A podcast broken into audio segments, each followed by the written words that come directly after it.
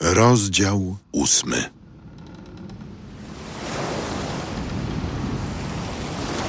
Ale Bóg, pamiętając o Noem, o wszystkich istotach żywych i o wszystkich zwierzętach, które z nim były w arce, sprawił, że powiał wiatr nad całą ziemią i wody zaczęły opadać.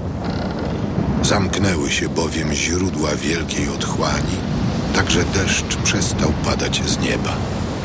Wody ustępowały z ziemi powoli, lecz nieustannie i obniżyły się po upływie 150 dni. Miesiąca siódmego, siedemnastego dnia miesiąca, arka osiadła na górach Ararat. Woda wciąż opadała aż do miesiąca dziesiątego. W pierwszym dniu miesiąca dziesiątego ukazały się szczyty gór, a po czterdziestu dniach Noe, otworzywszy okno arki, które przedtem uczynił, wypuścił kruka. Ale ten wylatywał i zaraz wracał, dopóki nie wyschła woda na ziemi. Potem wypuścił z arki gołębice, aby się przekonać, czy ustąpiły wody z powierzchni ziemi. Gołębica, nie znalazłszy miejsca, gdzie by mogła usiąść, wróciła do arki, bo jeszcze była woda na całej powierzchni ziemi. Noe, wyciągnąwszy rękę, schwytał ją i zabrał do arki.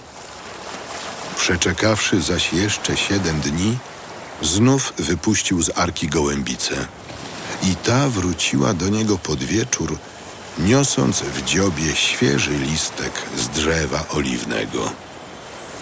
Poznał więc Noe, że woda na ziemi upadła.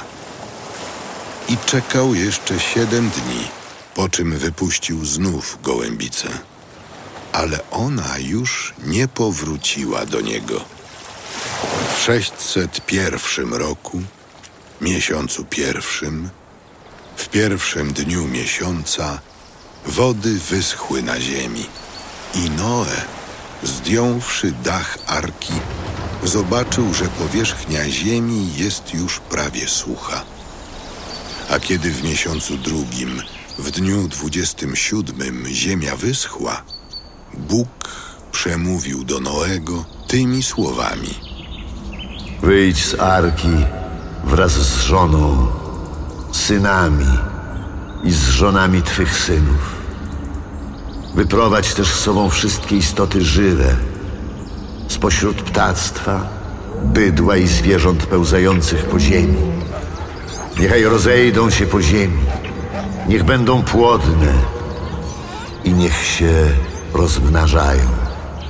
Noe wyszedł więc z arki wraz z synami, żoną i z żonami swych synów. Wyszły też z arki wszelkie zwierzęta, różne gatunki zwierząt pełzających po ziemi i ptactwa. Wszystko, co się porusza na ziemi. Noe zbudował ołtarz dla Pana i wziąwszy ze wszystkich zwierząt czystych i z ptaków czystych, złożył je w ofierze całopalnej na tym ołtarzu. Gdy Pan poczuł miłą woń, rzekł do siebie: Nie będę już więcej złorzeczył ziemi ze względu na ludzi, bo usposobienie człowieka jest złe już od młodości. Przeto już nigdy nie zgładzę wszystkiego, co żyje, jak to uczyniłem.